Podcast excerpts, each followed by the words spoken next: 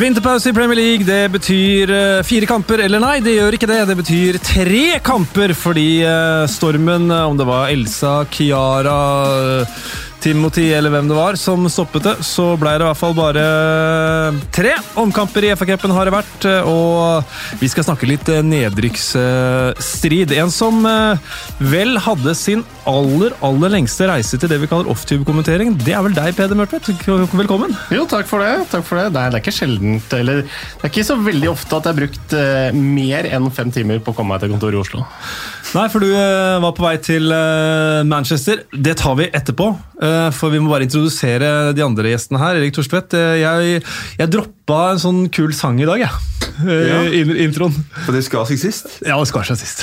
Fordi at jeg eh, Nei, det var, det, var ikke, det var ikke din feil. Det var ikke din feil, det var dårlig tima. Men Peder, fikk du eh, taxfree-kvoten likevel? Jeg turte ikke ta den, jeg. Du gjorde ikke det? Nei, jeg bare storma. Jeg skulle jo på jobb, tross alt, så jeg hadde litt dårlig tid. Det er vel den såkalte 24-timersregelen, som i dette tilfellet var vel 24 minutter, som du var ute av landet. Ja, nei, det slo ikke til. Det slo ikke til. Men jeg måtte gjennom passkontrollen to ganger. da. Det er ekstra tungt. Helge Kalleklev, eller Helge Johan Pettersen Kalleklev. Foretrekker du hele Kun Helge. Kun Helge, deilig. Det tidligere The artist formerly known as the master of Premier Leagues. Kun Helge. Ja, og, ja, ja, og nå er du eh, det, Hvis jeg ikke tar feil, så mener jeg at du sa til meg her om dagen at, eller for, i forbindelse med den, at du har litt for god hukommelse. Kan det stemme? Var det, var det, Forsto jeg det riktig da? Eh, Ja, altså litt for god Det høres ut som jeg skryter veldig av meg sjøl. Jeg sa vel at Nei, nei, nei. Jeg, jeg måtte eh, på et tidspunkt begrense spillingen av mine sveiper, fordi at det ødela Ja, dagen min. eh, For jeg tenkte for mye på flagg og miner gjennom en dag. Det er jo faktisk eh, lest nettopp litt sånn forskning som er gjort i forhold til dette med, med dataspill og skjerm i forhold til profesjonelle fotballspillere. Ja. Og hvordan det påvirker beslutningstakingen til fotballspillere hvis du spiller på formiddagen. da. Ja. Hvis du skal spille fotballkamp senere samme dag, så får du et annet forhold i forhold til dybde, i forhold til rom og sånne ting. Og du spiller altså dårligere fotball hvis du har gama i forkant, og det tror jeg på. Samtidig som jeg tror på at hvis du er såpass god i minesveiper at, du, at det går utover resten av eh, livet ditt, så, så er det god mental trening, vil jeg tro. Sånn hjernetrening. Kommer litt an på hva du spiller. da. da hadde jo, Nintendo James var jo et klengenavn for David James på 90-tallet. Ja. Fordi at han gjorde tabber. Det var jo ikke fordi at han Ja. var veldig god. Nei, han, øh, men han mente jo òg at han var blitt påvirka av gaming, da. Um, og han øh, vet jeg at de fikk observert øh, på eh, en anstalt. For han eh, var ofte Han sånn øh, Våkna opp og var litt skada. Eh, og da han var på en måte banga litt løs på nettene og var oppe og gikk i søvne. og Dunka i veggen og sånt, og kunne våkne neste morgen og ikke huske noen ting av det. Men dette hadde jeg da på film. Ja. Så det var en del issues med han, men fy fella, du kan, han var på sitt beste. Det er noe av det beste jeg har sett. Altså, David James var bare helt sykt bra! Men så gikk det i dass med jevne mellomrom. da. Var ikke den starten du så for deg på podkasten i dag, Espen? Med At du kom til David James? Nei, eller, altså, så det, tidlig. nei, og det er det som er fint med å ha deg her, Helge. fordi eh, da kommer jo den der opp av hatten. Nintendo James eh, der altså. Jeg mener jeg har sett han i nyhetsbildet i det siste. Jeg husker ikke hva i forbindelse med hva. David James han Ja. gikk jo personlig konkurs og endte plutselig opp med å spille på Island for et Så par sesonger siden. Ja, der har du det. Eh, Island, det kunne nesten dratt dit, du Peder, men uh, du skulle til Sheffield. Uh, kan ikke du ta oss litt reisebrev gjennom denne stormen du var i i går? Jeg kan jo det. Det begynner jo selvfølgelig tidlig, da. Står opp litt over fem, skal komme meg ut til Gardermoen. Er der tidlig. Litt mye kø i passkontrollen, gikk litt saktere enn vanlig. Opp i fly. Kjenner at det rister litt ekstra. Hadde jo sjekka værmeldinga, som jo alltid er lurt hvis du skal til England og kommentere. Finne ut litt hva du trenger å ha på deg. Og det var jo meldt ganske frisk vind. Sånn 15-16 sekundmeter stiv kuling på det verste rundt kamptidspunkt. Så jeg hadde jo tenkt at ja, jeg kunne ha noe med flyforholdene å gjøre, men så en gang jeg, jeg husker at jeg tok opp det med en venn. Sånn, ja, men det er mye vind på bakken og jeg, Så ble jeg bare avfeid fullstendig. Hvor tulling kunne jeg være? Liksom? Det er jo mye mer vind oppe i himmelen. Tross alt så så dro at vindforholdene på bakken hadde altfor mye å si. Det, det fikk jeg bare fullstendig null eh, Null tilhørighet på, men så, i alle fall så endte det med da, at vi prøvde å lande i Manchester to ganger. Eh, Vi kom aldri ned. Det var noe krapp sidevind eller kast eh, overalt. Så mm, til slutt så var det jo sånn du må snu, reise tilbake. Jeg er en skjebne jeg jo delte med mor og bror til Sander Berge, som jeg møtte på flyplassen. Som eh, begge var på vei over for å få med seg hjemmedebuten til, eh, til Sander. Så for dems del så var det jo kjipere enn for meg. Men eh, eh, en annen som også hadde det kjipt, da, det var jo vår egen Ingrid Halstensen. Fordi hun sto jo da i Manchester og venta på meg før hun skulle reise til Sheffield. Å, for en skuffelse når du ikke kom. Og når jeg ikke kommer, så er det klart det er jo en voldsom, det Ja, det er en voldsom nedtur. Nei, det tyngste der var nok at eh, eh, de sjekka på, på flyplassen. Der sto det at flyet var nede, men allikevel helt umulig å få kontakt med meg. Så da ble det litt sånn Ok, hva skjer nå? Hvorfor er det umulig å få tak i noen som helst? Men eh, jeg fikk landa, vi fikk landa etter hvert. Jeg fikk tak i Ingrid, og alle lever og alle har det bra i dag. Alle lever og alle har det bra. Jeg eh, prøvde uh, sist gang her, eh, Erik, jeg vet ikke om du husker det, uh, på noe som ikke var veldig gjennomtenkt, en quiz underveis. Det gikk jo ikke. Jeg glemte jo det. Okay. Uh, glemte å besvare min egen quiz, og det, det kom jo selvfølgelig på Twitter etterpå, som seg hør og bør. Uh, du, kom du noen gang med fasiten på? Men nei, nei, nei, jeg gjorde ikke det. Jeg gjorde ikke det. Det rant bort i kålen. Hvis det er noe som heter det? Nei, det er det kanskje ikke. Kokte borti kålen. Ja, det gjorde det. Eh, rant- Brant borti kålen. jeg Rant i sanden, rant ut i sanden, kanskje ikke eh, der. Men jeg prøver igjen, ja. Prøver igjen. På samme? Nei, ikke den samme, for den har jeg allerede gitt svaret på. Men eh, 14 spillere, folkens. Vi tar det til slutt istedenfor fem kjappe. 14 spillere har skåra 10 mål eller mer i Premier League denne sesongen. Syv av dem er engelske. Den kan jeg få lov til å tenke litt på. Fram til eh, slutten. Skal jeg prøve Helge, hjelp meg å huske på at jeg skal ta svaret på. Eh, men vi kan, Jeg skriver sta det ja, gjør det. Eh, vi kan starte på Bramall Lane, der hvor du skulle ha vært, Peder. Men du fikk jo kommentert den likevel. Ja hva sitter du igjen med inntrykk etter den matchen? Jeg sitter jo igjen egentlig med at Bournemouth er i trøbbel og Sheffield United imponerer igjen. Da. Det er jo et lag som på mange måter er litt sånn begrensa spillemessig, men allikevel så klarer de, de klarer liksom å få jobba på et sånt trøkk at Bournemouth de klarer til slutt ikke å, å stå imot. Og Det er ikke noe sånn fint spill eller eh, noe mer som gjør at de stikker av med seieren. Det er en seier de tar på pur vilje, sånn som jeg opplever det. og i kraftig duellspill, kraftig i eh, taklinger i en sånn De bare kverner igjennom hele kampen. Og til slutt så blir det for mye for Bournemouth, og så, så vinner de 2-1. Men det er ikke så veldig ofte at de snur kamper, da, Sheffield United, så det er vel bare andre gangen denne sesongen her. Så det var eh, en imponerende forestilling igjen, syns jeg. Og på femteplass. Helt sykt, egentlig. Uh, og nå skal jeg komme med en spådom som er, bare legger hodet på lokket sånn en sesong før tida. Det, det kan bare ikke gå feil. Det kan bli litt tøffere neste sesong. altså, The only way is down. us. Dette er first season syndrome, der vi har, eh, som du eh, sier, Peder, her, en helt sykt trøkk. En, en, en greie som gjør at det, eh, de mobiliserer så mye kraft og energi. Og så er greia at det koster enormt. da. Og Første sesongen så har du denne ekstra gang ho-greia. Og så tror jeg det blir et litt sånn uh, tøffere greier etter hvert, når de andre lagene også finner litt mer ut av det. Så Mye, mye beundra med Sheffield United, altså. Og en berikelse for, uh, for Premier League. Uh, ligger nok kunstig høyt på tabellen. Det går litt på at andre lag som bør være bedre, har underprestert. Men de får pigene ta det til seg. altså. Og hvis det går som i sangen, at det blir In Europe with Sander Burge, så er det jo helt sykt.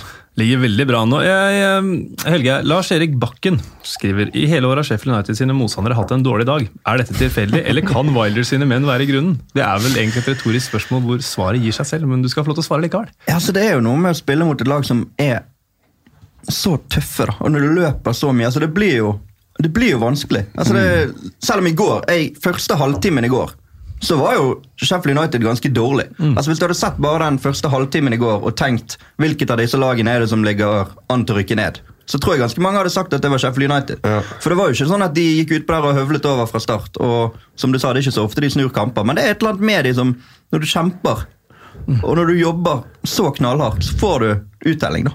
Og det målet de skårer, eller 1-1-målet, det går jo på vilje. Det, er en, det er en fot fra Sander Berge opp i luften, og så er det liksom krig. Og hvis du vinner krigen, så, så tar du en del poeng, da.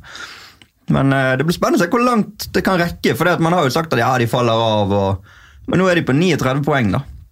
De har sikret plassen. Det var jo det han Wilder han fikk et spørsmål om det senest denne uken her. Hva som var målet. Nei, det var 40 poeng. Og nå er de ett poeng unna de 40 poengene. da. Og Se hvor langt eh, inn det kan holde. For de har jo de har jo noen tøffe kamper igjen hjemme mot de aller beste lagene. Uh, City og Liverpool har de vel bare møtt borte, og så har de Tottenham og Chelsea igjen, tror jeg, på hjemmebane. da. Men klart, hvis de slår, hvis de slår Tottenham og Chelsea hjemme, så kan de jo henge med de helt inn. Ja, ja. Definitivt. Ja, de, har, de har vel, de har vel riktignok Liverpool borte. For det var den tabba til uh, Ja, hjemme. Ja, ikke, det skal du ikke beklage, Helge, for det, eh, det er fort gjort. Um, men Sander Berge. Det er jo mannen eh, vi selvfølgelig har fokus på. Eh, litt ekstra, det må vi få lov til. Eh, hvis vi er litt snille, da, så er han svært delaktig i utligningen. Men han er definitivt svært delaktig i baklengsmålet òg, Peder. Ja, han er jo det. Jeg syns jo um, vår egen Simen Stamse Møller hadde en veldig fin gjennomgang av den i, i pausa der, der han var veldig ganske krass, som han kan være, og eh, sa det rett ut at det er en fryktelig dårlig pasning. Det er vanskelig å skjønne helt hva han tenker. Det er jo det er to mann der. Til og med dommeren er jo der.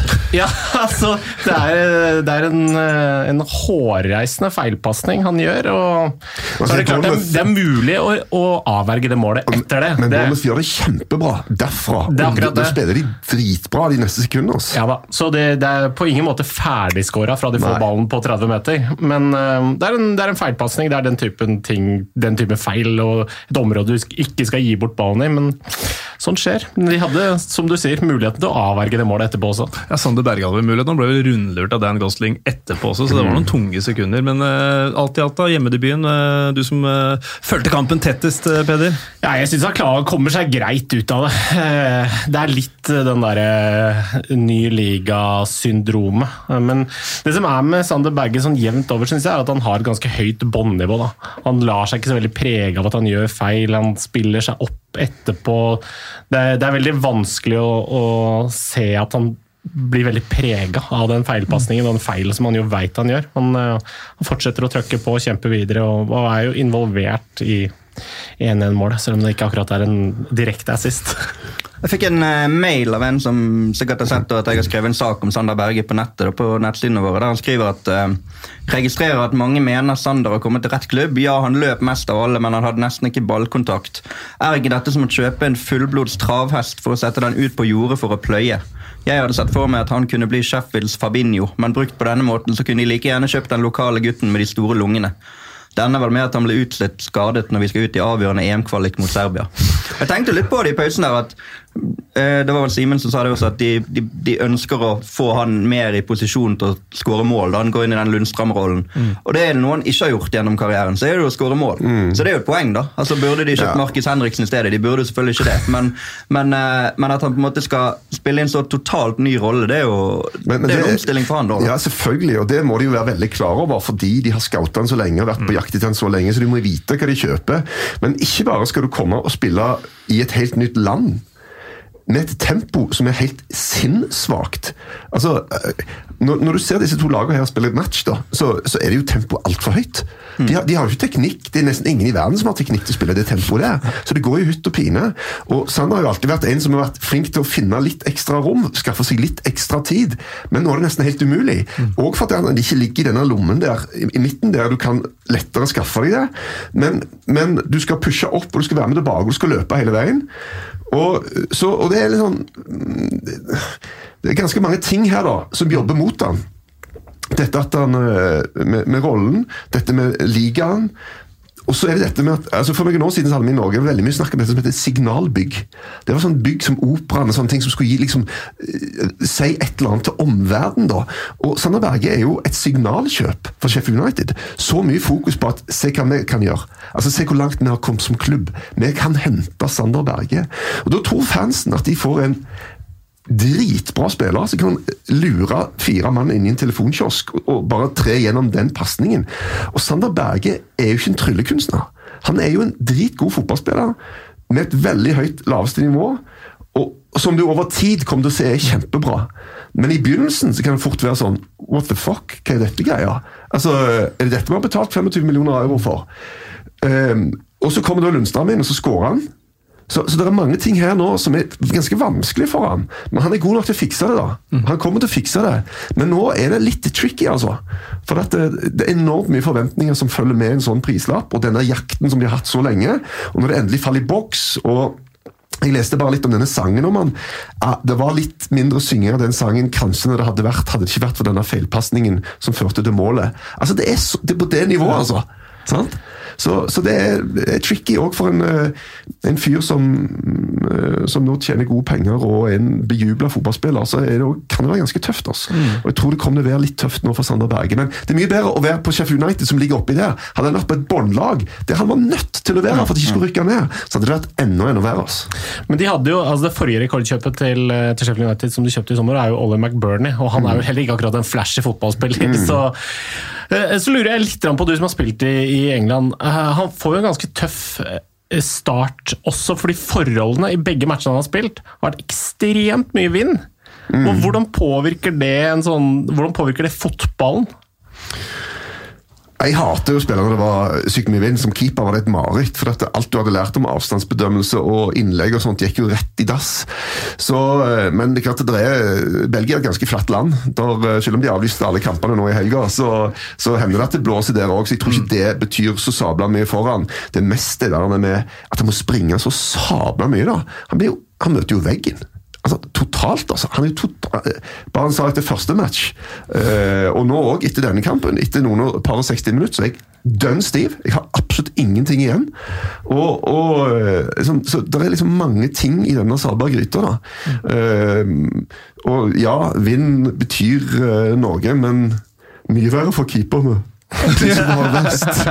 Selvfølgelig. Men det påvirker jo fotballen. Altså, Ja, den typen det. fotball som spilles i kampene. Ja. Da blir det jo det blir mye kriging, mye dueller. Ja. Men det jo- gjør det når Chef United spiller fotball uansett. Liksom. det er sant. Så, men jeg er enig med det du sa i stad. Det er fascinerende å se på hvordan de greier å rett og slett bare gnure andre motstandere i senk. Altså, De bare skrur til og skrur til og skrur til.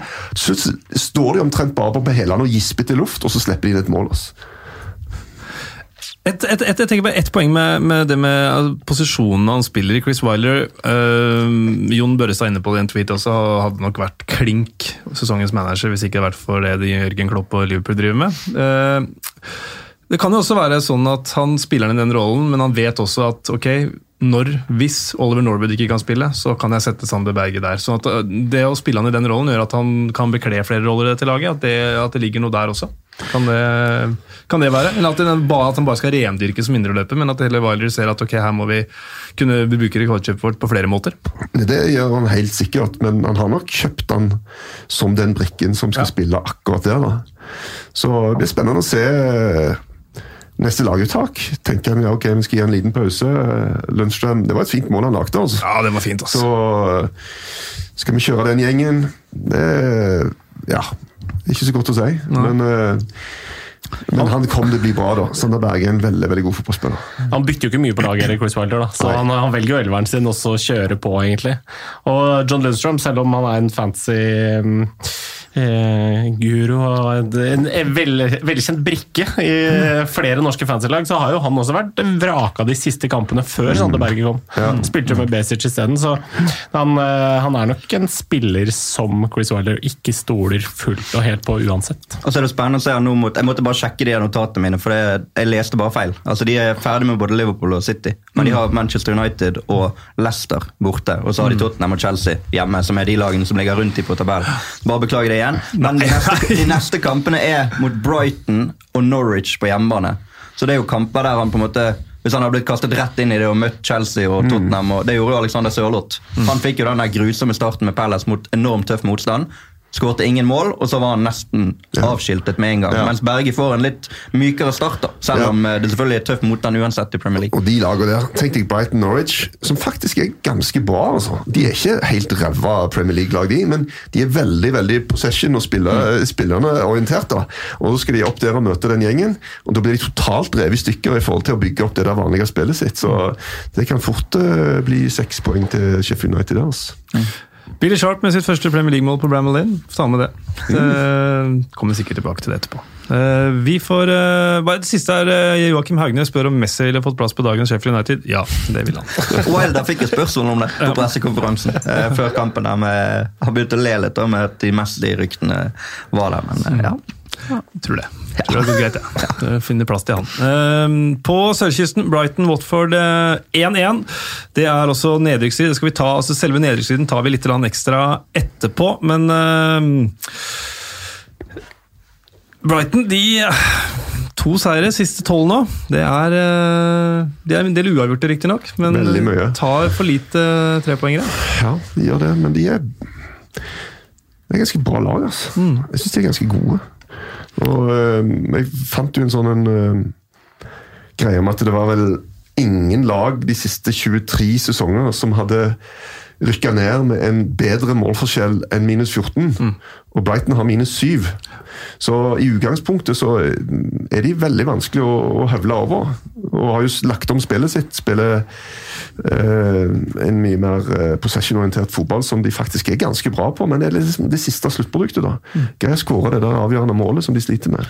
Jeg synes I begynnelsen av andre omgang der, så synes jeg det gikk så utrolig treigt med de en periode. For det, det de har vært, Når de er gode, så går det jo fort. Og da tok jeg bare sånn av randomness så stoppet jeg klokken på et minutt der, for jeg kunne spole frem og tilbake. Og på ett minutt så hadde de ball. Altså de hadde ball hele tiden, men de hadde bare 20 trekk i laget. Altså Hver spiller brukte over tre sekunder i snitt da, med ball. Eh, det var liksom, for jeg tenkte, Nå går det så treigt, så da tenkte jeg ok, nå bare stopper jeg klokken og så ser jeg på det. da.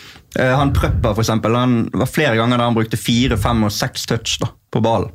Og da, da klarer ikke du å bryte ned et lag som ligger og forsvarer en 1-0-ledelse. Men så gjorde de noen bytter der og fikk litt mer fart på det. Han Trossar var ikke involvert i det hele tatt. Han var den eneste av de offensive spillerne sammen med Murray som ikke var borti ballen på det ene minuttet. Og da tenkte jeg at dette går ikke. Nå ligger Pearson der og surfer det inn. Men eh, de klarte jo å snu det. Så har de har noen strengere å spille på. De kunne hive innpå et par mann som kunne styrke laget. og Det er ikke alle de lagene på den delen av tabellen som har det. da. Nei, Nigel Pearson skrøt av Brighton, han eh, Peder. eh, sa at av og til så må man bare eh, kunne gjøre det også. Selv om altså, de leda 1-0, men motstanderne våre de, de kjørte over oss til slutt. Ja, det der er jo altså, All statistikk fra den matchen der er jo en sånn eh, slags hyllest av det Potter har holdt på med i Brighton. da. Han har jo egentlig tatt nesten samme gjengen som var der i fjor, og nå har de kamper som den mot uh, Watford nå, der de har ballen 65-70% av tida nesten.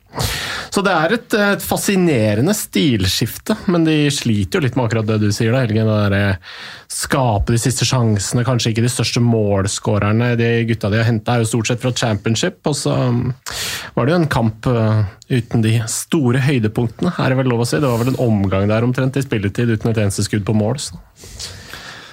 Og Watford de hadde jo sårt trengt den uh, seieren, men som nevnt, vi tar det litt mer i nedrykksstriden. Ser ut som at lufta har gått litt grann ut av Pearson-ballongen. Uh, en ballong som er i ferd, til å, ferd med å stige helt mot Europa.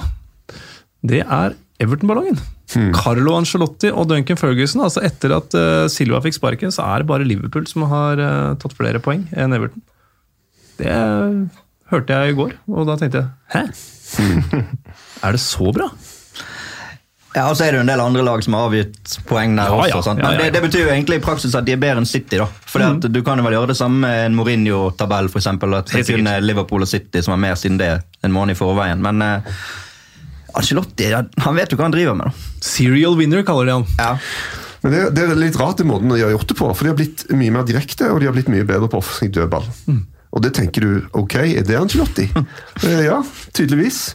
Og de har jo folk fremover. Charlesson, Calvert eh, Lewin er jo folk som passer ganske bra til å være ganske direkte. da. Og så hvis du i tillegg får eh, enten på at du trener på det, eller kommer opp med noe lurt, eller gjør et eller annet som gjør at du blir bedre på offensiv dødball, men det kan òg være tilfeldige. da. Det kan være at de bare plutselig så så faller bare ballen rett ned for dem.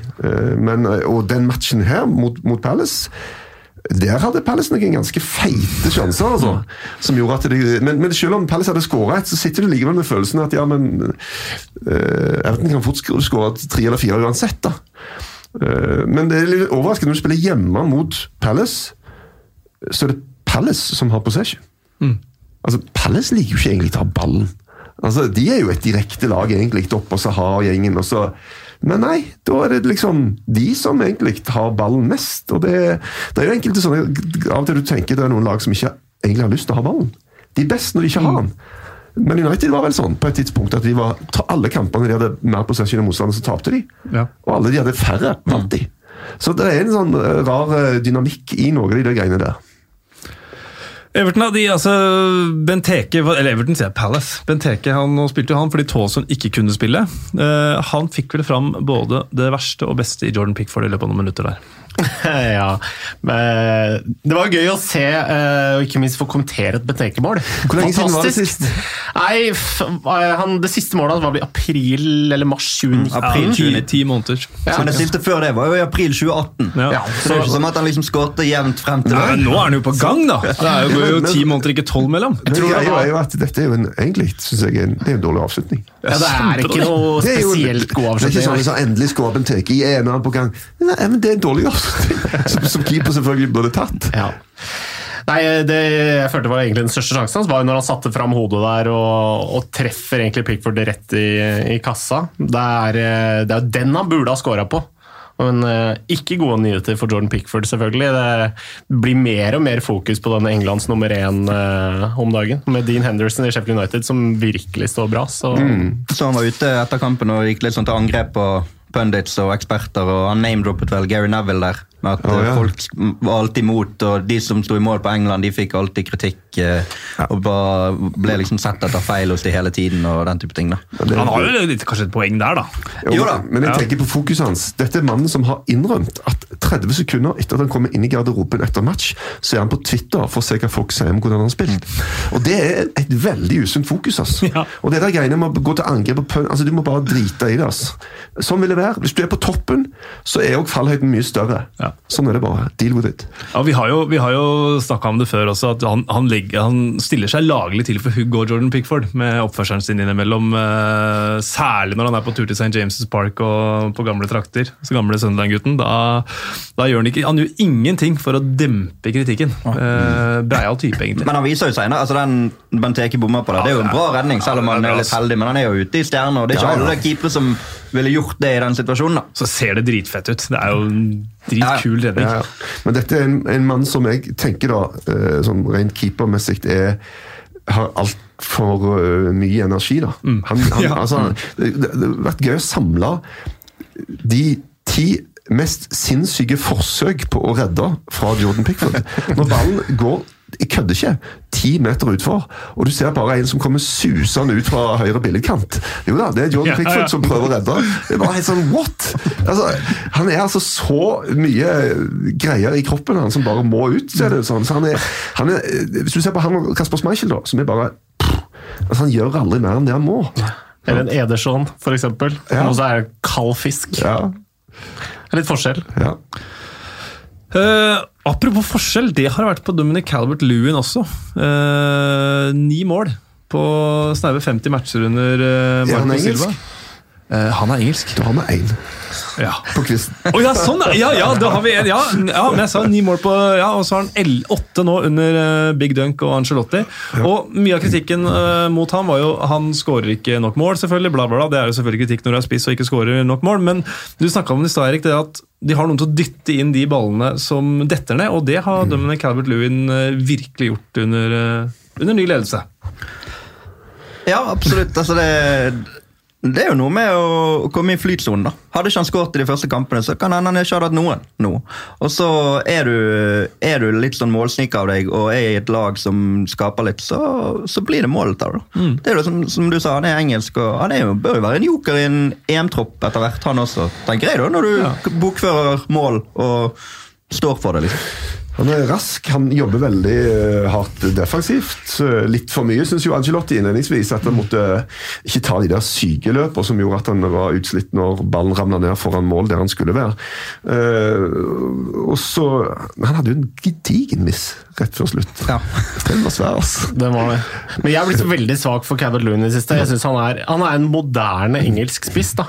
Han har det gode, gamle engelske med sånn enorm duellkraft. Veldig god på huet. Er eh, bra sånn møtepunkt, men så har han samtidig han har litt mer finesse da, Mm. enn den gamle engelske typen. Og nå har han begynt å skåre mål også, da er han plutselig Han begynner å nærme seg en komplett spiss. da. Det er Så Marcus, han er, Marcus Rashford 2.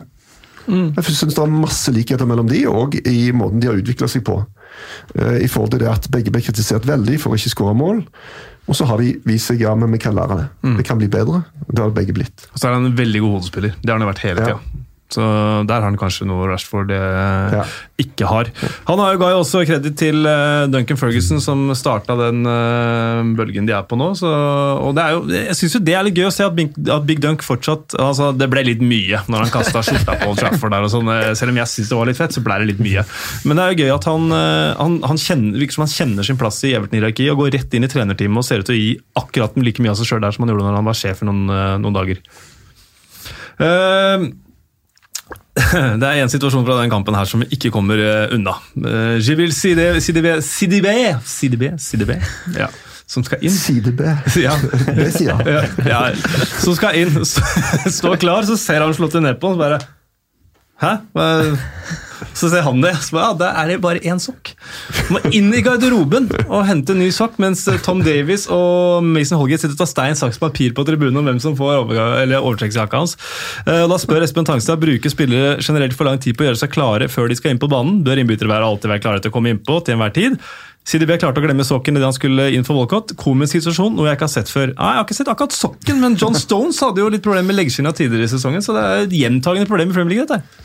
Ja, Det er forskjell på sokk og leggskinn. Ja, det er altså, det, leggskinn, De dytter du bare ned. Du, har glemt å ta på deg en sokk, så er det noe med ikke, det, det, det er noe lavere aksept for sånn type banter på benken med å knytte skolissen og sånn, som det var før i tiden, kanskje. det gjorde jeg på ditt Barnby. Jeg husker jeg knytta skolissen hans uten at han merka det. da, Knallhardt fast til benken. Så når han ble bedt om å, å skulle innpå, da, så satt han jo bom fast. Og det var Funny. Du ligger nok kanskje litt tynnere nå, ja. Det var um, greiere før, for da syns uh, kanskje til og med manageren det var funny. Men don't think so nå lenger. uh, ja, Det var egentlig runden, det. Tre, tre kamper. Eh, vi har ikke snakka så mye om eh, Crystal Palace, men eh, det tar vi i nedrykkssiden. Før vi kommer dit, så tar vi runder av FA-cupens ja, forrige runde. Jeg klarer aldri å henge med hvilken runde det er. Ja. Det, er, Det var fjerde. Det var fjerde, ja. Den andre Premier League-laget er med i. Liverpool trengte to kamper, og så var det jo masse styr Det var Jørgen Klopp som skulle på ferie. Det her var forferdelig mot Shrewsbury. Tape 500 000 pund, ble ikke vist på TV direkte. Eh, Anfield fylles, så da får jo Shrewsbury billettpenga sine. Da burde de bare ha cruisa videre, men den gang ei. Juniorlaget til Liverpool, de vant. Sjølmål. Rashawn Williams. Ja. Tidligere Manchester United Akademi. Gjorde det som Donald Love i den første kampen, så fikk hjelp, eh, unggutta. Men uh, det, det, vil, altså, det, vil, det kan jo ikke gå gærent for Liverpool nå. Alt går.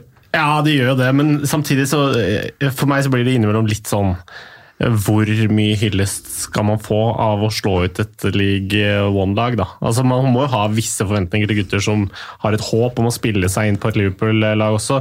Du skal ikke altfor mange sesongene tilbake før juniorlaget til Arsenal hver ligacuprunde, hver høst, banka gjennom et par eh, helt sånn strålende matcher, og alle skulle bli superstjerner. Og så så du kanskje en del av de spillerne aldri igjen. så man må kunne forvente at de vinner sånne matcher som det der, men øh, syns Jeg mener jeg, da. det. Ja, men Du ser den gjengen de stilte ut det var, altså, det var ikke, Vi snakker ikke B-lag her. Nei da. Vi er lenger ned i alfabetet. Altså. Ja, Det er jo de Så- som ikke er med i førstelagstroppen. For Ja. all del. Eh, Det er, det er en god prestasjon. De gjør en, eh, en bra match, så vidt jeg skjønner. Men øh, jeg, jeg synes samtidig Shrewsbury har, øh, de har jo ingenting å klage over. De kan Nei, ikke nei. si at det er respektløst og vi må spille mot disse. Det er ok, dere tapte. Nei, de Dere hadde en ny sjanse til å gå videre og tjene enda mer penger. Dere to kan ikke. Sånn er det bare. Ja, men jeg tenker det at uh, De var jo oddsfavoritter, Liverpool, så det var ikke så veldig overraskende at de, Mm. at de vant. Uh, og det er jo de det skal jo være ganske gode juniorer. altså De juniorene i Liverpool må jo være innenfor å være blant de beste. og han Kirivella er nå et par og tjue. Men det, er kanskje, det er ikke helt sammenlignbart med det Arsenal-laget. De for Der var det jo noen etablerte spillere pluss Ja, juniorer. Ja, Ja, de så røyker jo banka de litt, 5-0 ja. mot, øh, mot øh, Villa da, i ligacupen. Ja, men tror ikke du Villa og bør jo vinne 5-0 over Shrewsbury liksom, i en enkeltkamp. Så. 5-0, gjør de det? Ja, men det var litt marginer at det ble 5-0 også. Ja, ja. Altså, Nyland var jo enorm i den kampen, og Liverpool kunne lede 2-0. Så jeg var ikke overrasket over at Liverpool vant den kampen. Det var jeg ikke. Hadde du penger på det? Eh, det hadde jeg ikke. Spiller ikke så mye penger. Hadde penger på at Braut skulle skåre, gjorde han ikke. Men det, en av de, en av den, den ene gangen gikk Hva er gikk oddsen på det, Kasper? Braut? Ja. Jeg pleier å ligge på sånn 2-10. Oh, ja, om han starter, liksom? Ja. Å ja. Noen 15 på at den ikke scorer, da. Men eh, ja, vi, vi, kan, vi kan kvitte ut, eh, kvitte ut den eh, for så vidt. Jeg er nok litt i campen at jeg syns det var innmari imponerende av av de unggutta her. Det er, det er ikke U23-laget, det er liksom U19-laget minus San Chirivella omtrent. Eller U20. Så jeg Det syns. Jeg jeg er imponert over det. Det, kan- det kan jeg si. Ja, det, kan jeg si. men jeg var imponert. Altså, det er godt gjort, men, Ja. jeg- men jeg var ikke sånn veldig overrasket. da. Det var det jeg mente. Er dere veldig overrasket. over at Milner blir sånn hylla av at han ser en fotballkamp? Ja, men det, det må vi ta. Fordi eh, han, det, han ble hylla for det, men det han gjorde i forkant, er jo det han også har blitt hylla for. For han spurte Neil Critchley hei, kan jeg få lov til å være med og trene. Det er jo litt kult. Det er jo litt grunn til hyllest, er det ikke det? Han, for han er jo på vei tilbake fra en skade, så han, han møtte ikke opp og bare hei, jeg er førstelagsspiller, jeg må, jeg må trene her nå, så jeg blir med dere. Han spurte er det greit om jeg blir med. Så det er fint. Ja, og Milner er jo en, en herlig type. Han får jo mer og mer kred for den der maskinmannen som han er er blitt. da.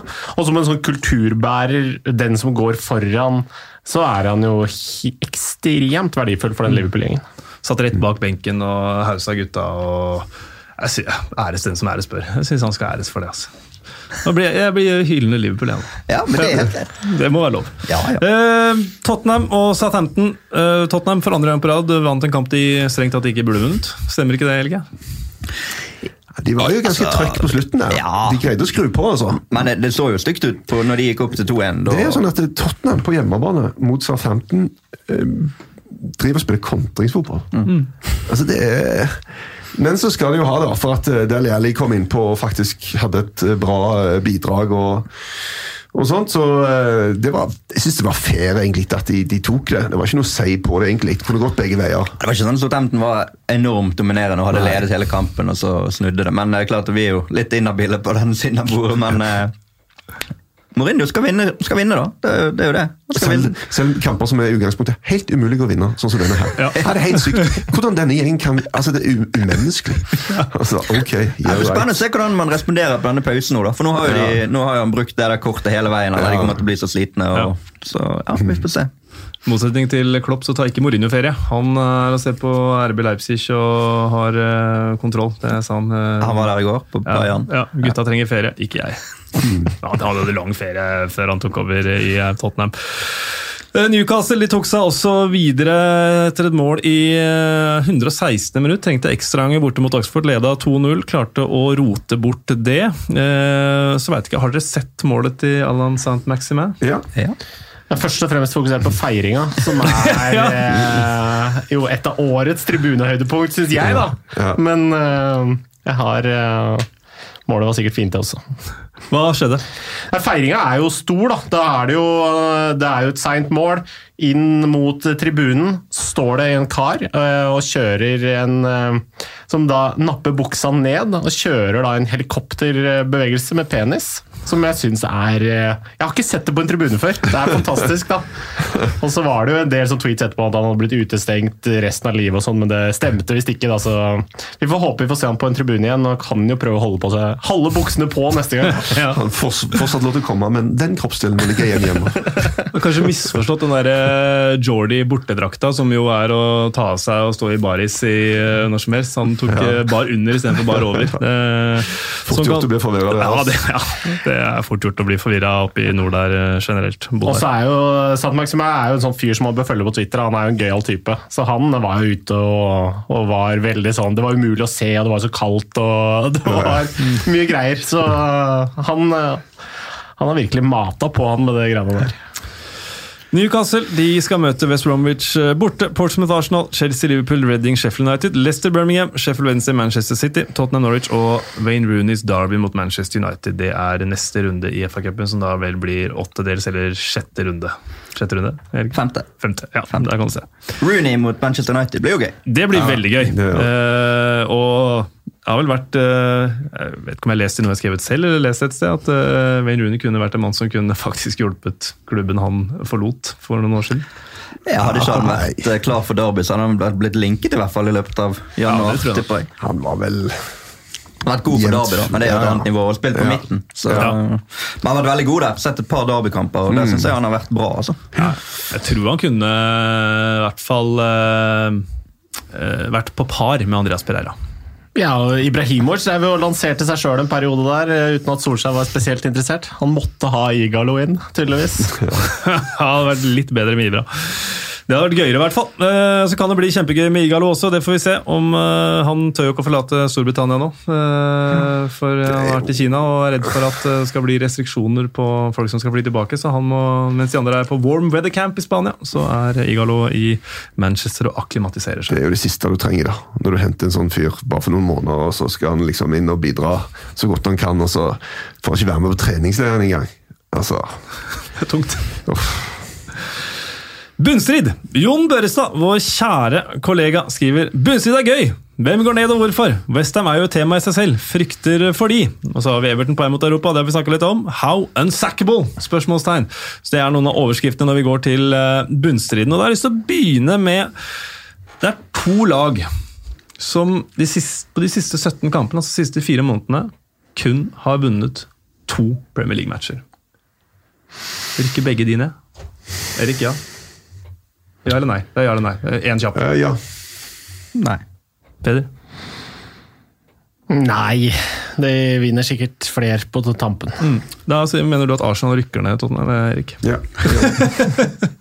Definitivt ja, bare 31 poeng. Ja, og jeg måtte, altså vi skulle ta bunnstriden. Jeg måtte ta, ta, må jo ta med Arsenal, hvis jeg skulle tatt med, ta med Burnley, Newcastle og Southampton også. 31 poeng uh, der. 7 Arsenal poeng spiller jo ekstremt mye uavgjort. da. Ja, og hvis, de- du altså, plukker- altså, hvis, du tar, hvis du spiller uavgjort alle kampene, så, så rykker du ikke ned. Det kan de gjøre, hvis de spiller uavgjort resten. Arsenal? Ja, Nei, I teorien. da får de jo Da har 44 eh, poeng. Da får de 44 poeng. De rykker ikke ned på 44 poeng.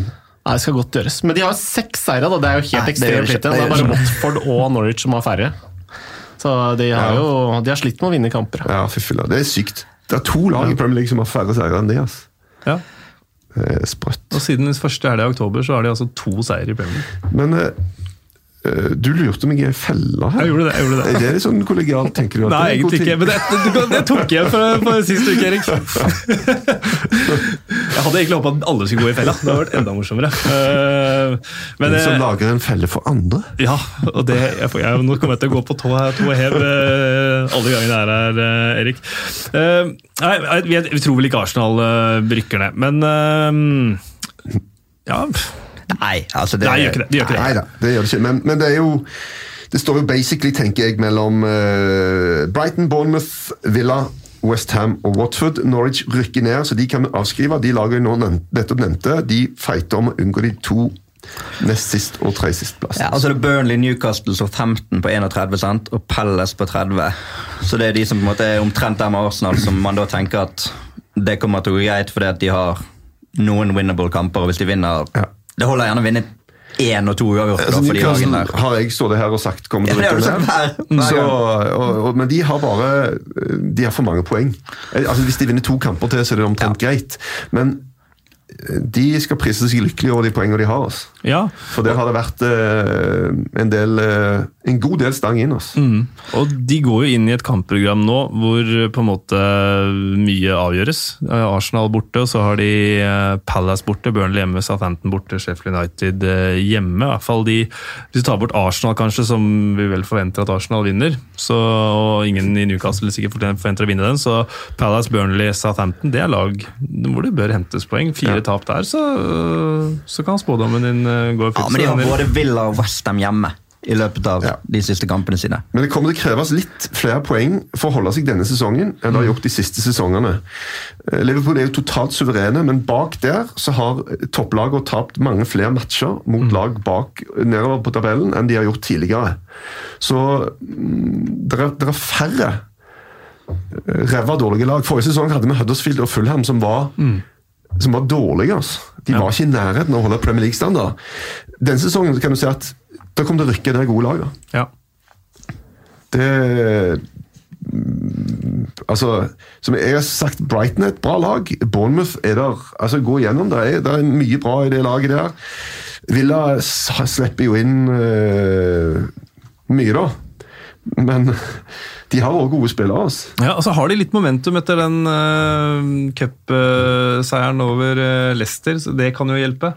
Tøffe kamper nå, da, med Tottenham uh, hjemme og så Southampton borte, Leicester borte det, og så Chelsea. Det er de fire neste for, uh, for Aston Villa. Men, de har veldig tøft program. Etter det har de vel også Newcastle borte, og så har de Wolves, Liverpool, Manchester United, Everton og Arsenal. De har kun en hjemmekamp mot Pelles inni der som en sånn mm. de, de, skal vinne, da. Ja. Altså, de har, de har én hjemmekamp mot et litt sånn dårlig lag Ja. igjen. Og ellers er det tøff motstand eller bortekamper. De har Western borte i siste. Den blir jo eller den kan jo bli helt ekstremt avgjørende. Ja, det, og det, det å ha hjemmekamp i, i siste match har vist seg å være enormt betydningsfullt hvis du står nede i sumpen der. Det, da pleier det å mobilisere noe så voldsomt og, og greie å få tre poeng, det, det hjemmelaget.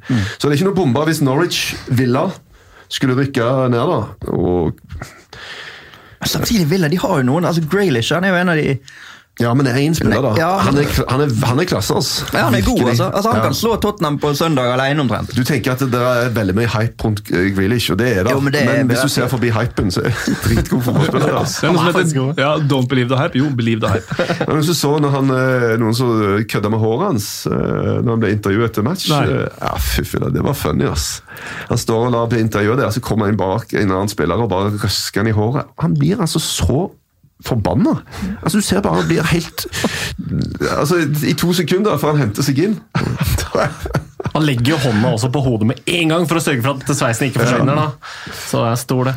En ting som jeg er litt opptatt av i sånne bunnstridsting, er hvordan responderer laget når du slipper inn mål først. Hva er statistikken da? Og Da er det jo lag som Norwich, f.eks. Har sluppet inn det første målet 13 kamper. Tapt alt.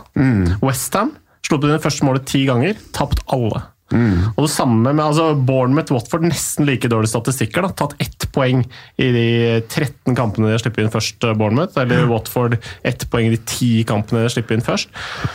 Mens Villain har klart å snu kampen et par ganger og tatt litt mer poeng i sånn type sammenheng. Så det er den type statistikk som jeg eh, ofte jeg syns ofte det kan si litt om mentaliteten i et lag. da. Mulig liksom evnen til å slå tilbake etter et nederlag. og Det er der et lag som Westham, som bør ha eh, bra kvalitet, egentlig, men som jeg syns feiler på mange sånne ting. Så fort de får et mål imot, så er liksom kampen over. Da er det kjørt for dems del. Så mm, jeg, frykter litt for dem, og det er det jeg syns er dårlige nyheter også for et Bournemouth-lag spesielt, da, som vi har vært vant til at har klart seg ganske bra, men som jeg ikke De, ja, de sliter ordentlig i år. Westham rykker ned. Det er et lite jordskjelv. Altså med, Ja, ja. Det er de pengene de har brukt og de spillerne de henta siste sesongen. Altså. Mm. Det, den vil være ganske tung. Altså. Ja, Fryktelig tung. Det var vel eh, var der over nå for en ukes tid siden. og Da var jo mye av eh, snakket om at de rapporterte en sånn 30 millioner pund i underskudd eller noe forrige sånn fiscal year. økonomisk, Men det gikk jo til oktober i eh, 2019. eh, og da var ikke pengene for Sebastian Aller og sånn regna inn, eller for Nals, som er 60 millioner i utlegg der. da. Eh, så der snakkes det om at klubben nærmest kan gå i oppløsning hvis de rykker ned. Så desperat eh, Nei, det tror jeg ikke, Nei, altså. det tror ikke jeg heller, men altså, det, det, man maler jo fanden på veggen i en sånn situasjon. Ja. og så er det et annet problem, eh, veldig interessant det du sier, Peder, med at de eh, at de ikke klarer å ta poeng når de havner under, men Westham er jo også et av de desidert dårligste eh, til å holde på ledelser. Mm. de, 19 poeng har de mista etter å lede, og de tåler jo ikke press.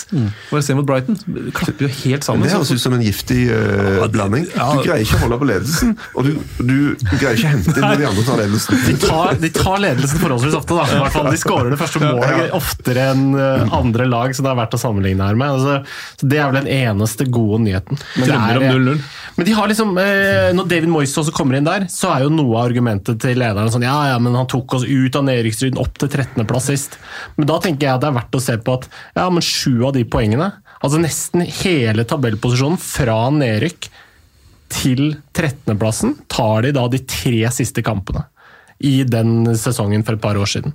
Da var det sånn så Hadde han ikke tatt de poengene på slutten, her, så hadde de også klart seg, så vidt. Men det, jeg vil si at han fikk en sånn kunstig høy ligaplassering. Da. Som ble brukt som innsalg igjen nå. og Jeg tror at mange av fansene sett litt gjennom det. og Det har ikke vært noen, eh, det har ikke vært noen lykkelig retur til Westham så langt for David Moyes, selv om det starta bra.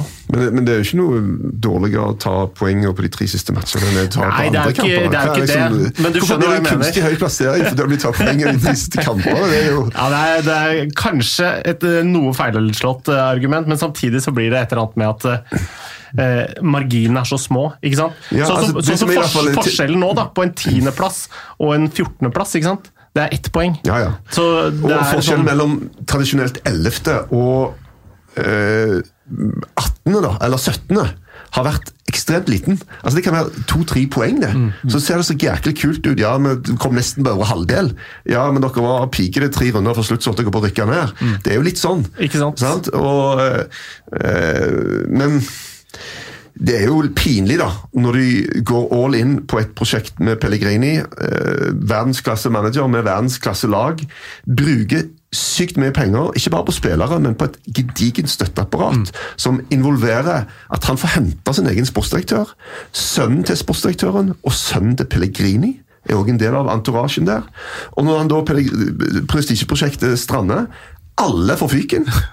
Og så går det tilbake til han som ikke var bra nok for 18 måneder siden, David Moyes, og starter på han igjen. Det er jo ikke bra eh, klubbstyring i det hele tatt. da. Og Det er det som er problemet med Westham, tenker jeg.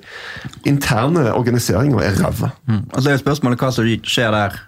Si de nå nå har de et veldig tøft program fremover nå. De har jo, Den City-kampen utgikk jo nå.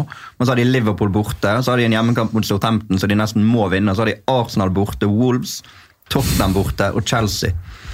Og de taper alle de, er det liksom der at kan de sparke Moyes igjen?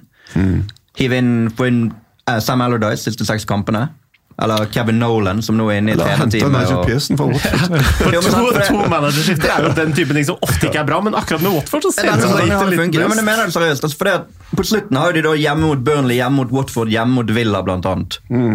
Tar de ni poeng på de tre kampene, og da i tillegg kan klare å De har Norwich borte. Altså Det er fire av de siste fem kampene da der de potensielt kan ta tolv poeng i, i hermetegn eller enkle kamper. Og Hvis de tar tolv poeng til, da ender de på 36. Ja. Men Norwich sitter jo og tenker ja, men Westham hjemme, den, den kan Ja, vi ta. ja, ja, selvfølgelig. Men det, de kan være nede allerede da, da i teorien. Men, eh, men, men for det tenker jeg litt sånn eh, Jon spurte vel her how unsackable. Altså Det er jo en faktor her. Hvilke lag her kan komme til å gjøre grep som gjør at de får, på kort sikt i hvert fall, og nok poeng til å holde seg. Dean Smith i Villa ser jeg ikke for meg for sparken. Nesten uansett. Og Det er litt gøy faktisk akkurat det der også med manager, for man tenker jo at Premier League det er en manager, alle bytter manager hele tida. Det er ekstremt mange av managerne som er i Premier League i dag, som aldri har fått sparken. Jeg tror jeg telte opp sånn kjapt. Det kan være feil, for eh, jeg det var Du gjorde det litt, kjapt. Jeg gjorde det litt kjapt. Ja, ja, ja. Men jeg tror det er så mange som 9 av 20 managere i Premier League nå som aldri har fått sparken. Yes. Det er ganske mye. Ja, bare for å fortsette der, Brighton kommer ikke til å sparke Graham Potter. Han har nettopp skrevet under langtidskontrakt. sant? Eh, Howe kommer ikke til å få sparken. Smith kommer nok ikke til å få sparken. Det tror jeg i hvert fall skal mye til. Pearson har allerede vært inne der, og det grepet er gjort. Og så er det Westham som også allerede har byttet manager. Da. Ser liksom ikke, og Farke er jo Aldri safe i Norwich. Sant? Så det kommer ikke til å være noe sånn Roy Hodgson i Palace hvis de skulle Ja, dette ned. der har du kanskje en liten joker, da, i og med at Hodgson bare har et halvt år igjen av kontrakten, og de uh, ikke har forlenga den. Uh, men samtidig det er Han er jo en redningsmann, så hvis du kaster ut redningsmannen eh, når du skal reddes, så virker det rart. Og, uh, Palace er et av de lagene vi ikke har prata om. Eh, 30 poeng har de. De har ikke vunnet sin boxing day. Eh, fire strake uavgjort, og så tre strake tap nå. Eh, Newcastle hjemme, Brighton borte, Watford hjemme, Bournemouth borte i de fire neste. Der kan eh, enten krisen avblåses eller forsterkes. Det er jo selvfølgelig gitt at sånn er det, men Ja. fire nøkkelkamper for et lag som ikke skårer mål.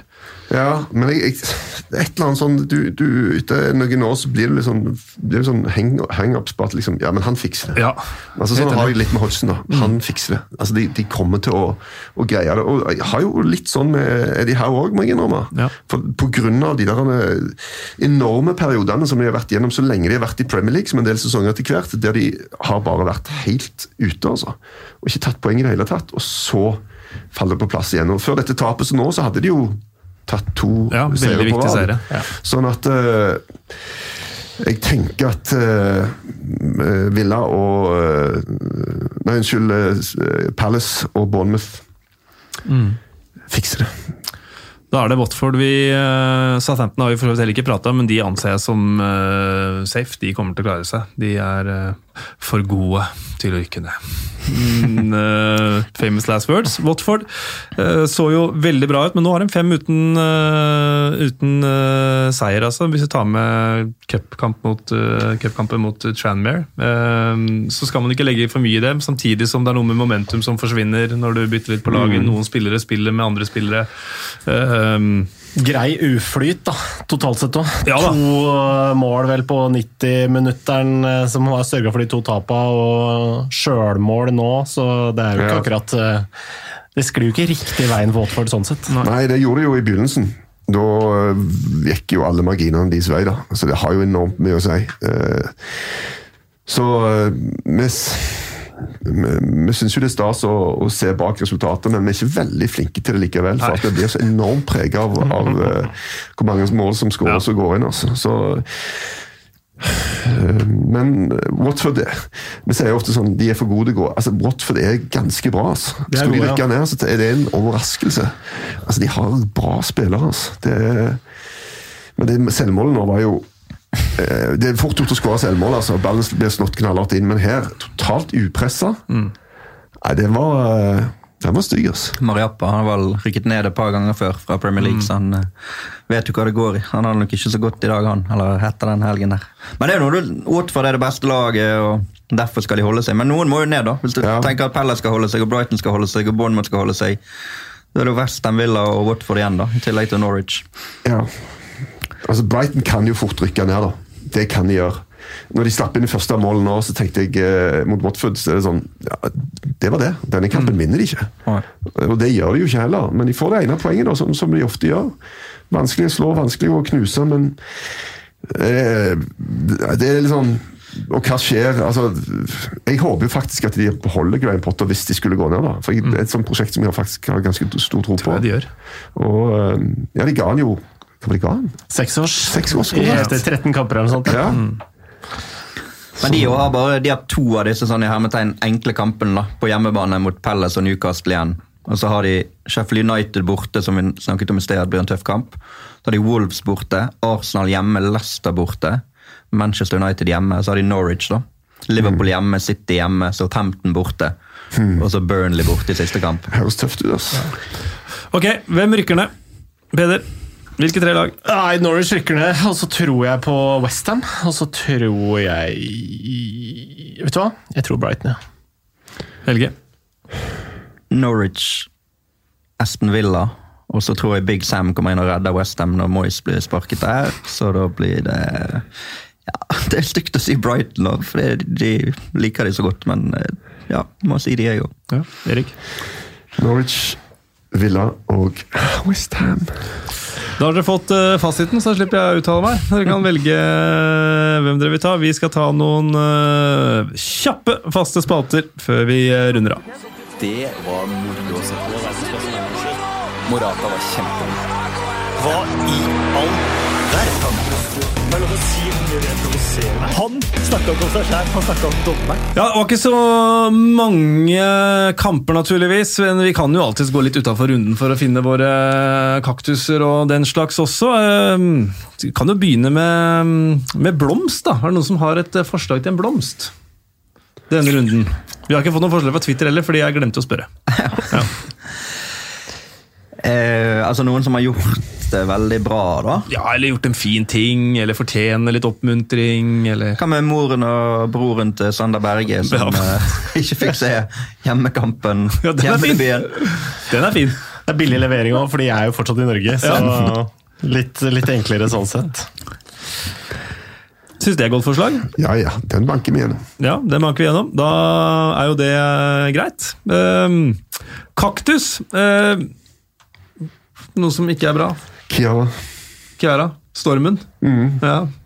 Øda for Peder. Det må være, det må være klink for deg. Ja, for meg er det jo det. Eh, og så er det jo selvfølgelig ødela for alle supporterne som hadde reist til Jeg så det var noen supportere som var i, Manchester og skulle se City. Men, men hvorfor, hvorfor går ikke den, da? Også Sheffield eh, United går? Det er veldig rart. Altså, men det, det er- handler jo om transport stort sett i Storbritannia. da. Det blir livredd for at noen skal skade seg Ja, men på herregud, vei de kom fra. Bournemouth. Ikke det, det er jo den lengste turen av alle. Bournemouth-Sheffield. De fløy dagen før, faktisk. Ja, men, men ikke supporterne. Ikke supporterne. Men de satte seg sikkert på toget. Jeg, ikke, altså, det, jeg, jeg kan ikke svare for Storbritannia og den Nei. logistikk... Men det, det rare er at eh, Premier League og sånn har jo ingenting med dette å gjøre. Det er klubbene sjøl som bestemmer.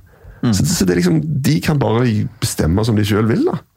Og så så du været utover i Sheffield. da. Så fort kampen begynte, så kom jo sola fram. Det var jo helt Ja. sprøtt, ja. hele opplegget. Så um, det så ikke ut som det var noe stort problem å spille fotball her. Og uh, Manchester City var jo etter det igjen også. Så Nei, men det er, det er public safety. Jeg bodde bodde i Sunderland i noen år. Da husker jeg jeg hadde besøk av noen kompiser, og de ville veldig gjerne på Jeg husker ikke om det var Premier League eller eh, Championship den sesongen, her, for de var jo opp og ned mens jeg bodde der. Da kom det altså et lett snødryss på morgenen der. Ikke noe kamp her. Ja, Sunderland Norwich avlyst. Public safety. Her kan Ja. folk krasje på vei til kamp. sant. Så banen helt perfekt. Snøen var borte lenge før, men eh, folk skal komme seg til kamp og har ikke vinterdekk og sånt noe, så da Ja, det, det er som regel ikke spilleforholdene det dreier seg om, det er alt det andre rundt. Mm. Så, Men ok, det er jo sånn det er. Vi får eh, respektere de kulturelle forskjellene. Ja, ja, ja. Men, eh, men det er jo rart at den ene kampen går, den andre ikke. Det er tullete, egentlig.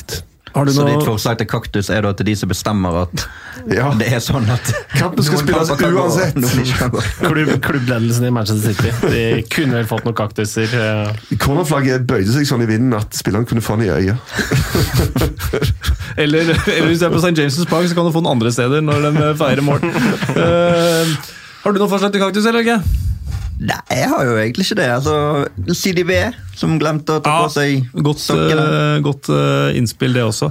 Jeg har, jeg har faktisk, her har jeg faktisk et par forslag. Jeg har forberedt meg litt. Rann. Eh, ene er at eh, Premier League-klubbene nå ønsker 10 cm margin på offside-avgjørelser. Da hadde det blitt skåra ni mer mål denne sesongen. Altså VAR, da.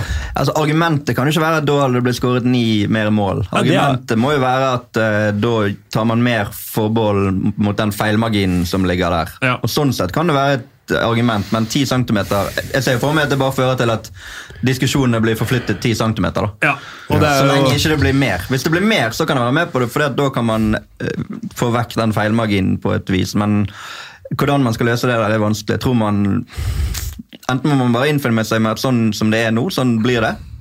Og så må de bare jobbe med å få enda bedre bildekvalitet, sånn at de kan få ned feilmarginen. Eller så må du inn med noe klokke eller et eller annet som definerer. Men uansett hvordan det blir, så blir det vanskelig.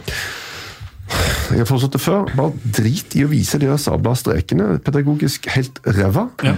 Og bare bestem deg og ferdig med den saken. Gå videre. Eh, det er bare liksom det der eh, Gi transparency, og folk skal vite hva som foregår. Nei, ikke den saken der, dere ser bare helt teite ut. Folk blir bare fly forbanna. Og da er det bedre å bare drite i det. ja. Og det er jo tonene fra bl.a. Gary Lineker. Uh, just get rid of, the, rid of the dots. You can see immediately if someone's offside or not by looking at the line. If it's not obvious, then it's level and onside.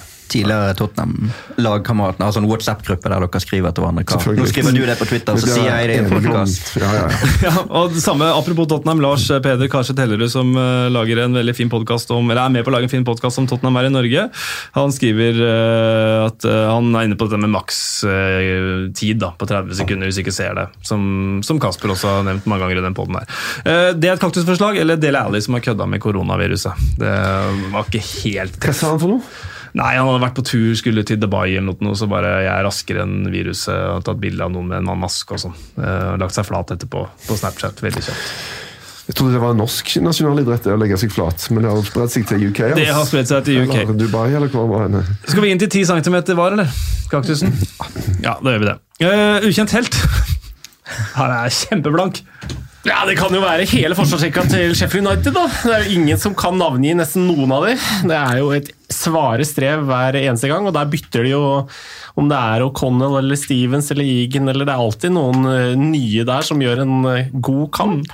Så Egan har jo fått en eh, sang Ja, eller han er med i Sander Ja, syns jo, jo, men han har ikke hatt en sang før. Det tviler jeg på at det har blitt sunget så ofte om han som det har blitt nå siste uken i Sheffield. Ja. Ja, inntil, ja, John Egan, da. Som, Men eh, man er ukjent av den grunn. ja, han er ikke, men altså, Ukjente går jo mer på de som ikke nødvendigvis alltid får overskriftene. Altså, De fleste her er vel kjente for oss. eh, Eller kanskje ukjent helt kan det være den som fant sokken til CDB inne i garderoben. eh, så det ikke gikk helt ille. Øyeblikket, den trumfer jeg. Billy Sharps første mål på Bramall Lane i Premier League. Er det større enn at Benteke skåra mål igjen? Ja, mye Det jeg likte med det målet til Benteke, var at feiringen hans det var sånn Det var som om han gjør det hver uke. Det var det samme. Opp med, opp med Ja. kneet og så et halvt steg der. Han hadde den fortsatt inne Det Ja. ligger i ryggraden på han. Det bare kom fram akkurat eh, når det skjedde. Veldig kult eh, øyeblikk med Billy Sharp. Eh, Det som var litt morsomt med målet, var at det ligna så mye på det han skåra mot Bournemouth i første runden. Det var bare sånn klassisk klabb og babb-mål før han fikk pirka den inn. Og da også var det en helt herlig feiring. Noen av de bildene som, eh, som var fra den matchen, var også sånn fantastisk øyeblikk. da. Så han burde skåre oftere. Men eh, Burde han spille sklei på Bournemouth var han ikke det? Billy Sharp. Gjorde han det? Bernard gjorde det i hvert fall. Ja, ødela banen der. Det er Noe så sykt, og så kommer det en bak som gjorde akkurat det samme. Og, og det er jo helt Altså, banen ser jo ikke ut. De har jo høvla opp denne banen så sinnssvak. Så det med å skli på knærne Og er, jeg vet at det er mange spillere som har skadet seg på det. Noen er jo litt høyprofilerte, som Ole Gunnar Solskjær, mens andre ligger litt lavere med å fortelle hvordan de faktisk ble skada. Men jeg fatter ikke at de gjør det. Seriøst. De må kutte det ut. Det er ikke bra. Det er Dårlig gjort overfor banemannskapet. Jeg tenkte Ja, de, de altså- som er ukjent helt òg, de som må opp, ut og rydde på Gudesen der. Ja, det er som sabla mange måter å feire på uten å skli på knærne eller ta av seg drakten. Det er mange andre greier. Men Teke, for eksempel. Litt halvt steg med kne opp. Tenk han øver mye på den. da. Nå får jeg endelig brukt Men den. Benteke, bare ta det. Altså, han skårte jo, Sist han skårte, var i april 19. Og så før det var det april 18. Og det sjekket jo, det var jo sånn alle så på med en gang han skåret det første. Ja. Men sist han skåret to, for han var jo ekstremt nær å skåre to, det var i april 17. så det er sånn, kunne det blitt enda en eh, breaking der på, på han. Nei, vi får kjøre Ja, vi Billy kjører Sharp. eh, Billy Sharp, som dessverre ikke får spille mer mot Bournemouth denne sesongen. Det er jo da han skårer mål. Eh, Et siste innspill fra Twitter er rett og slett fordi jeg kjenner vedkommende som stiller spørsmålet. Hei, Christer Skåtun, som spør hvordan er poengfangsten bak suverene Liverpool sammenlignet med tidligere sesonger. Leicester vant til, til sesongslutt i 15-16 med åtte poeng mer enn Liverpool nå har nå etter 25 kamper. Sjekka lite grann. Uh, Snittet for førsteplass etter 25 kamper de siste fem sesongene har vært eh, 60 poeng. Liverpool har 73, så det springer jo den skalaen. Snittet for andreplass etter 25 kamper har vært 52 poeng. Manchester City har 51. Snittet for tredjeplass har vært 50 poeng. Leicester har 49. Så nummer to og tre ligger på snitt. Én ligger langt over snitt, og så er det på fjerdeplass, hvor snittet har vært 48. Chelsea har 41. eh, 46 på femteplass. Der eh, har tallet Tottenham 37. Nå er jo riktignok Sheffield United forbi, men én en kamp mer spilt. Og snittet for sjetteplass har ligget på 44, hvor Sheffield United etter 25 hadde 36. Så det er der skoen trykker. Rett og slett. Så tredje, andre, ja, nest beste og tredje beste, omtrent like gode som de pleier. Uh, under der, veldig stor forskjell. Over enorm. Det var svaret på det. Det er en unik sjanse for Sheffield United, da, faktisk. Når, når, når, disse store lagene her er bare roter det til oss. Ja, og Leicester. Uh, Leicester er jo et lag som du tenker ja mm, Skal hvis, være der. Ja, hvis de, hvis de greier å beholde de spillerne de har nå, og kanskje til og med forsterke seg litt, Mm. Ja. så er de såpass bra at jeg tenker de, eh, de vil blande seg inn oppi der Mm. mm. framover. De skal liksom Tottenham, Arsenal og Man United den gjengen der skal få nok å stri med med å, med å ta Leicester de neste sesongene. Absolutt. Fremdeles et av de tre siste lagene som har blitt ligamester i Premier League. Mm. Så de hører til der oppe. De hører til i uh, toppen av eh, Premier League, og Jamie Vardy han hører til i toppen av uh, toppskårerlista. han er engelsk, kanskje det? Han er engelsk, så er vi på to! Da er vi på to, Og nå har jeg huska det. Nå har jeg det. Vi har nevnt Calvert Lewin, vi har nevnt Jamie Vardy. Hvem er de fem andre engelskmennene, folkens? Som er mer enn. Harry Ja, Kane, ja. Harry Kane. Og så har vi vel uh, Danny Ings, Danny Ings. Tammy Abraham. Yes. Marcus Rashford. Ja, og en til. Nå er dere gode. Nå er dere veldig, Stirling. Ja, Er det Stirling? Stirling. Nå er dere veldig gode. Og det er en stund siden han skåra, gjør det ikke det? Jo. Han Han har hadde- runda tosifra. Elleve mål. Ja, Stoppa litt opp da, gitt. Og så er det de ikke-engelske, da. Det her går jo som en drøm. Å ja, skulle du ha mange de òg? ha? Ja, ja, klart- klart- klart jeg skal ha de, ja. Bare tenk på de engelske. Jeg ja, ja, ja, ja, nei, nei, nei, jeg skal ha Hvor mange var det? Sju. Så det er 14 spillere, sju engelske, sju to i. Liverpool i hvert fall. da. Ja, Salah og Mané. det er helt riktig. Så er det Aubameyang. Yes, 14 mål. Aguero. 16, ja. Og du sitter med PC nå? Ja, det gjør dere! Nei, jeg gjør ikke det, men det er et par andre som gjør det. Og de leser jo rett av skjermen. Som jeg håper tabell. Premier League-tabell. Der også. Jimenez, da. All, all, tab er fort gjort der. Bytte vindu. Uh, Jimenez er riktig, Peder. Da har vi to igjen. Chris Wood. Erik, skal du Ja, han, skal Chris du- Wood, Chris Wood fra New Zealand. Ah, Chris Nei, Wood. ikke sånn. What? Uh, er det fra en klubb som Er, er det en City-spiller? Nei, det er det ikke. Er det, en, er det en klubb vi har sagt? Er det noen Om vi har nevnt Altså er det en annen spiller fra samme klubb som også har over ti Nei, mål? nei, nei, nei, nei. Nei. Pukki. Ja. Selvfølgelig. Bra. Men kan vi glemme han, da? Han var jo on fire i begynnelsen der. Ja. Det er vel fordi det er, det er lenge siden begynnelsen. Ja. Det er lenge, lenge siden det, og vi, eh, vi klarte å klemme ut 1 minutt og 10 minutter fra tre kamper. Det er ikke gærent, det. Nei, jeg synes du var Uh, Det blir grusomt neste uke, da, når det blir sju eller seks. Ja, Neste uke så blir det jo fem timer på. Det, her går jo ikke. Uh, Erik Thorsvedt, alltid en fornøyelse å ha deg her. Takk det samme. Kjekt å være her. Helge, tusen takk for at du kom også. En uh, stor ære, og du fikk nevnt Nintendo Ja, ja, ja. Hjernen Nintendo, Nintendo. James! Nintendo James. Veldig, veldig bra. Peder, godt at du rakk det. Det var bra for oss at flyet ikke landa i Manchester. Takk skal du ha for at du kom. Uh, ja, takk til Moderne Media. Det må vi alltid huske på, for at vi fikk låne lokalene, og de eh, produserer podden vår eh, etterpå. Hvis noen av oss har snakket lavt eller eh, ufullstendig, så retter de opp i det. Så det er vi takknemlige for. Du finner podkasten i iTunes, eller der du laster ned podkaster. Gi oss gjerne mange stjerner, og så kan du høvle oss og sage oss på Twitter om du ønsker det. Takk og hei!